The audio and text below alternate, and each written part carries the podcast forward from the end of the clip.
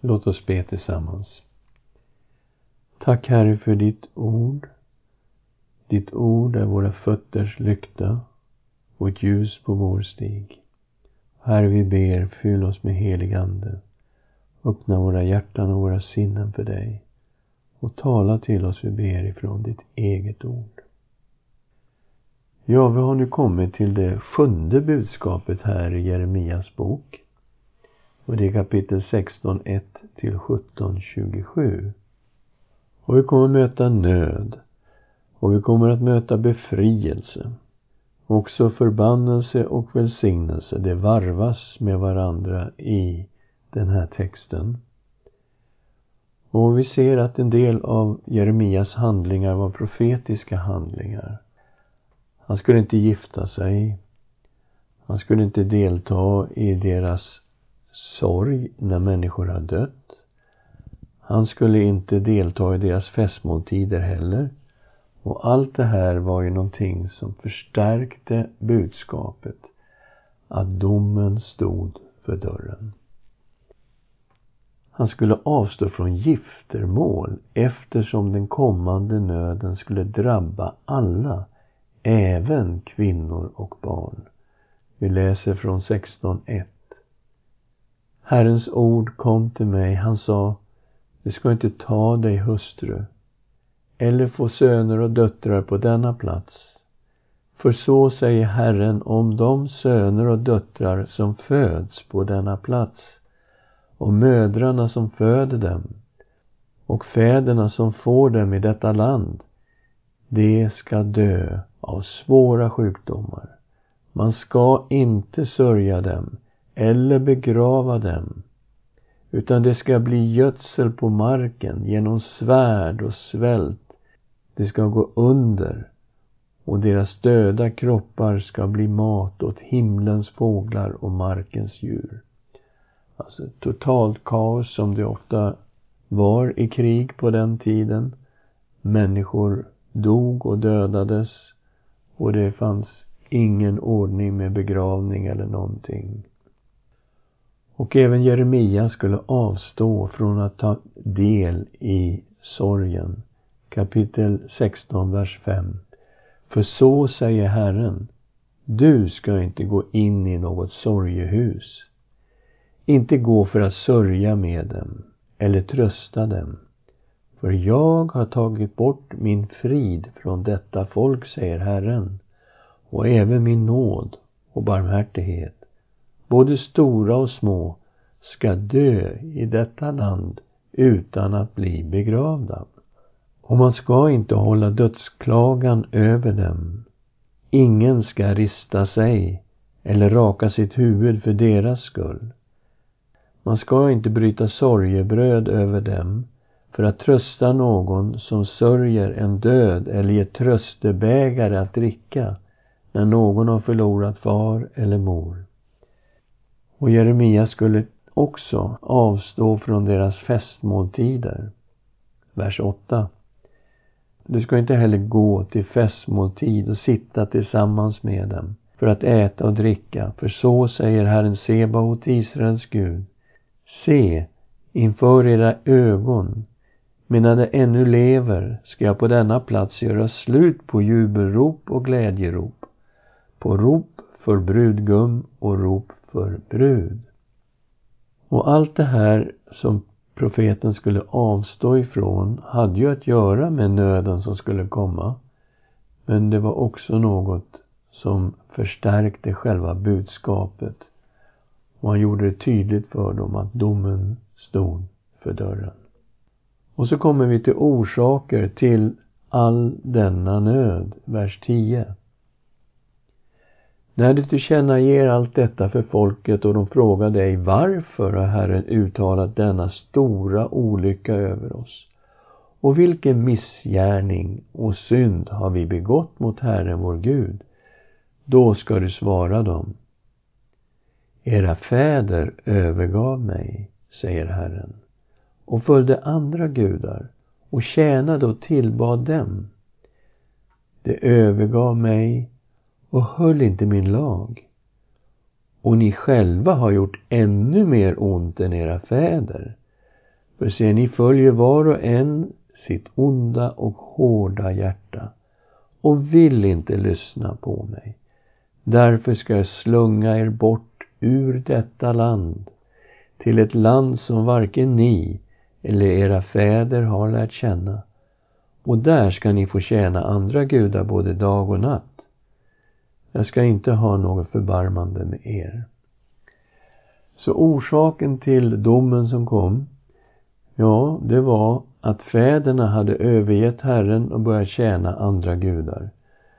Och fäderna, ja då tänker man på den tid som var när Manasse regerade, han som var Hiskias son. Och Manasse var ju utpekad i kapitel 15, vers 4 som en huvudorsak till domen över Juda. Där står det så här.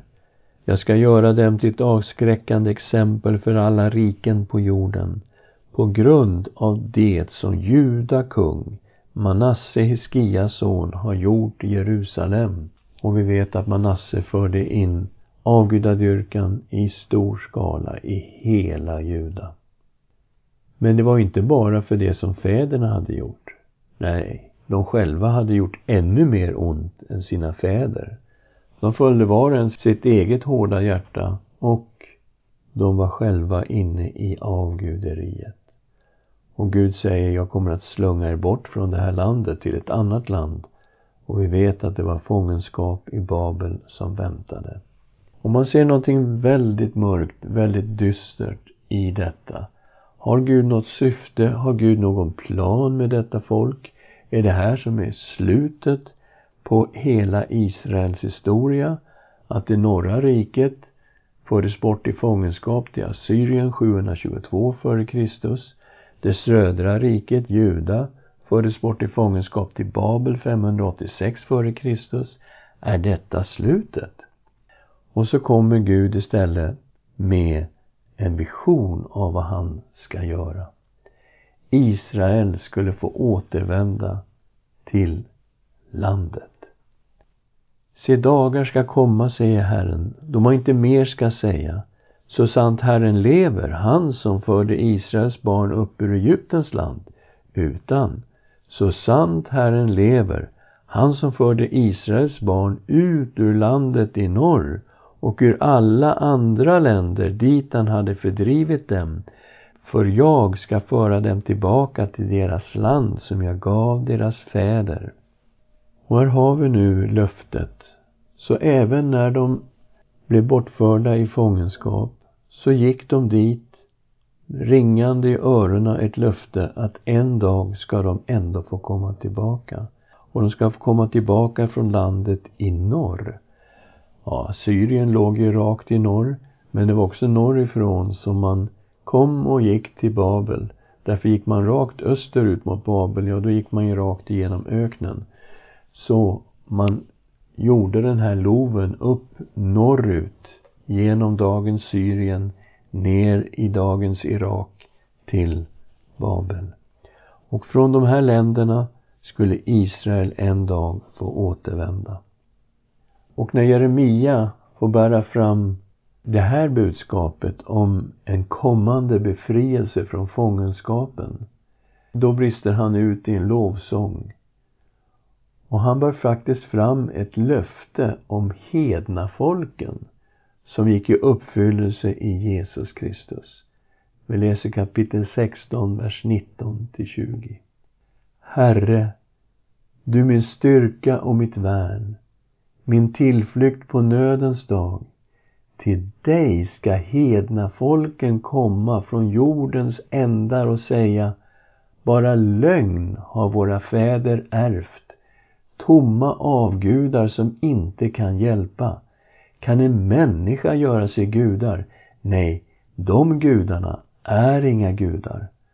Och vi ser nu vilket enormt genomslag evangelium har haft genom hela världen och fortsätter att ha. När människor som en gång tillbad avgudar nu är sanna tillbedjare av Israels Gud. Och återigen tar han upp orsaken till att de kommer att dömas och föras iväg i, i fångenskap. Och det är synden som är orsaken. Synden satt så djupt att den var inristad med diamantspets på deras hjärtas tavla.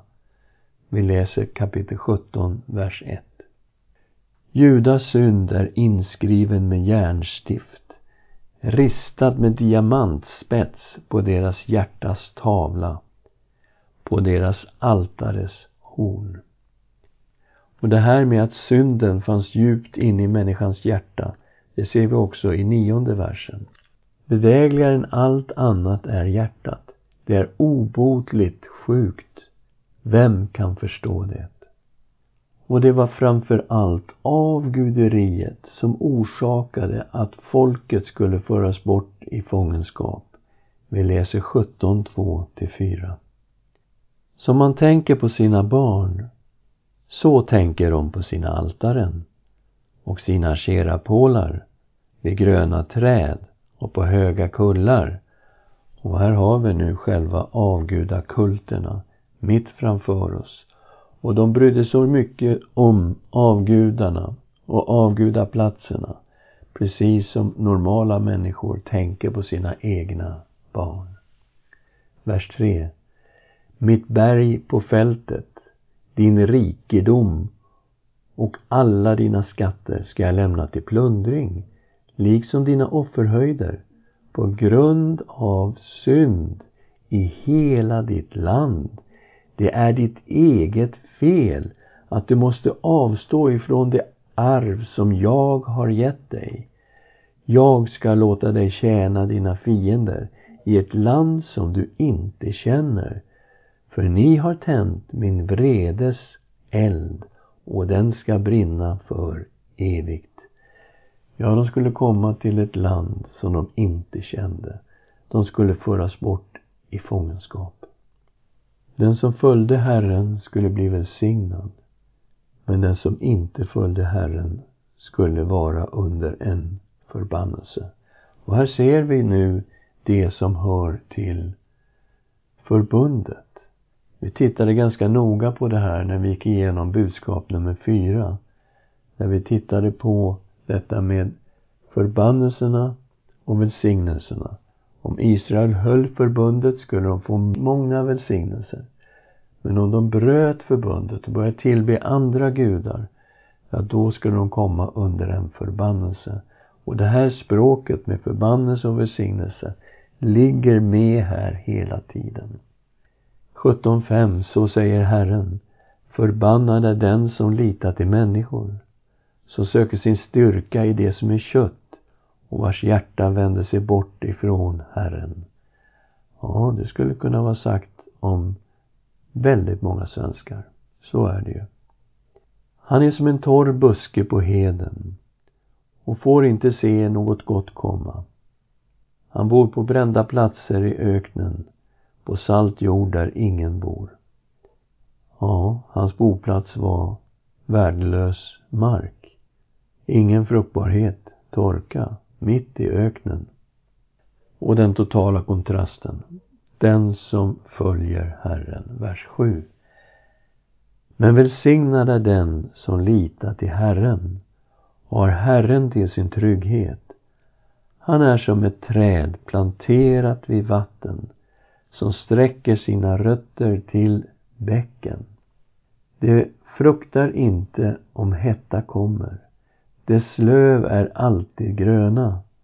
Det oroas inte under torra år och det slutar aldrig att bära frukt. Vilken enorm välsignelse för den som följer Herren och som inte litar på människor och inte har sin styrka i det som är kött utan har sin styrka i Herren, litar på Herren. Och att vara som ett träd planterat vid vatten där det hela tiden finns näring. Och det var ju något som vi förundrades över när vi bodde så länge i Egypten. Att hade bara träden vatten, ja, då var dess löv alltid gröna. Det var inte som i Sverige att man fällde löven på hösten och så kom det nya löv på våren. Där nere är helt andra årstider. Dess löv är alltid gröna. Det oroas inte under torra år och det slutar aldrig att bära frukt.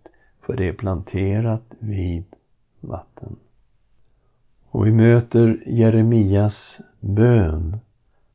Han ber Hela mig, Herre, så blir jag helad. Fräls mig, så blir jag frälst, för du är min lovsång. Och tydligen utmanade människor Jeremia och sa till honom att det här du profeterar om framtiden, det kommer aldrig att hända. Vers 15.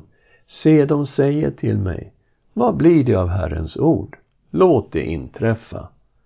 Det vill säga, det kommer aldrig att ske. Jeremia han beskrev sin förföljelse och att han har talat de här profetiorna inför Herrens ansikte. Vers 16. Jag har inte dragit mig undan från att vara en herde som följer dig. Inte längtat efter fördärvets dag. Du vet själv att det som kom över mina läppar sades inför ditt ansikte. Så Jeremia var en profet som talade Guds ord och han talade Guds ord inför Herrens ansikte. Och sen tas vikten av att hålla sabbatsbudet. Återigen, vi påminns om att Israel är i en förbundsrelation med Herren. Det här förbundet är reglerat i lagen och det är sammanfattat i de tio budorden. Det fjärde budet det är Tänk på sabbatsdagen så att du helgar den. Sex dagar ska du arbeta och uträtta alla dina sysslor. Men den sjunde dagen är Herren din Guds sabbat. Då ska du inte utföra något arbete. Inte heller din son eller din dotter, din tjänare eller tjänarinna eller din boskap eller främlingen som bor hos dig inom dina portar. För på sex dagar gjorde Herren himlen och jorden och havet och allt som är i den. Men på sjunde dagen vilade han. Därför har Herren välsignat sabbatsdagen och helgat den. Och här kommer nu undervisning om sabbatsbudet. Kapitel 17, vers 19. Herren sa till mig Gå och ställ dig i folkets port där juda kungar går in och ut och i Jerusalems alla portar och säg till dem Hör Herrens ord, ni kungar och hela Juda och Jerusalems invånare som går in genom dessa portar.